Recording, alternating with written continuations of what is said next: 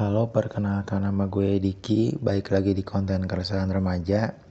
Jadi di konten kali ini tuh gue ingin ngebahas berat badan.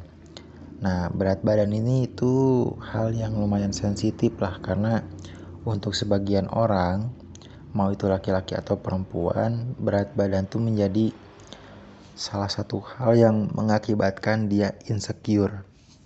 Entah itu karena berat badan yang kekurangan atau berlebihan. Bahkan beberapa kali pun saya ngeliat TV series atau film yang menggambarkan realitas sosial di Korea. Ada banyak cewek yang rela makan-makan makan-makan obat diet gitu yang banyak terus kalau udah makan 15 kemudian 15 menit kemudian dimuntahin demi ngebuat badannya itu tetap langsing gitu. Jadi mereka tuh cuman mengkonsumsi sari-sarinya aja. Ini kan kasihan gitu itu nyiksa diri sendiri karena standar sosial yang tinggi, standar kecantikan yang tinggi, mereka rela melakukan apa pun demi dianggap cantik. Nah, beberapa kali pun saya ngelihat teman saya atau saya ngelihat orang di sosial media yang gini ya kayak mereka tuh katanya suka sama orang lain. Nah, tapi si orang lainnya ini, orang yang mereka suka itu tidak bisa menerima faktor eksternalnya dia. Nah, menurut saya sekiranya ada orang lain yang suka sama kalian atau kalian suka sama orang lain tapi dia gak bisa nerima faktor eksternalnya lu mending jangan deh. Jangan mengubah diri kalian sendiri hanya untuk dicintai sama orang lain gitu karena itu percuma men, itu percuma banget. Itu ngebuat kalian capek.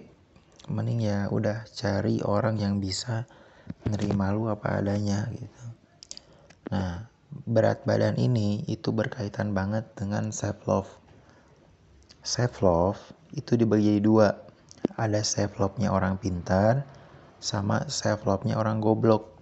Kalau self love-nya orang pintar, ketika dia merasa insecure, dia tuh bakal berusaha semaksimal mungkin untuk beradaptasi dengan dunia.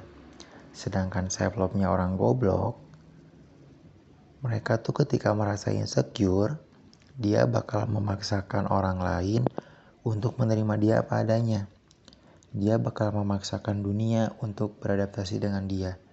Ini kan salah banget gitu. Yang harusnya beradaptasi terhadap dunia, ya diri kita itu kita nggak bisa memaksakan orang lain untuk menerima kita apa adanya. Gak bisa itu tuh salah banget menurut saya mah. Beberapa kali nih saya tuh ngelihat influencer entah itu influencer di Indonesia maupun luar Indonesia yang mohon maaf itu badannya tuh udah obesitas lah. Itu badannya udah obesitas tapi dia tuh masih berkoar-koar self love makannya aja kayak sekali makan mukbang. Nah kalau menurut saya yang seperti ini tuh bukan self love lebih ke malas olahraga aja gitu. Iya kayak ada banyak banget orang yang malas olahraga malah jadi SJW ini tuh bahaya sih influencer-influencer yang seperti ini tuh secara nggak sadar mereka udah mengiyahkan perilaku mereka dan mengiyahkan perilaku orang lain yang melakukan hal yang sama. Kenapa influencer seperti ini berbahaya? Karena gini ya, di Amerika obesitas itu penyebab kematian terbanyak juga karena obesitas tuh sangat berkaitan dengan penyakit-penyakit yang lain, terutama jantung. Bahkan saya punya tetangga dia badannya obesitas.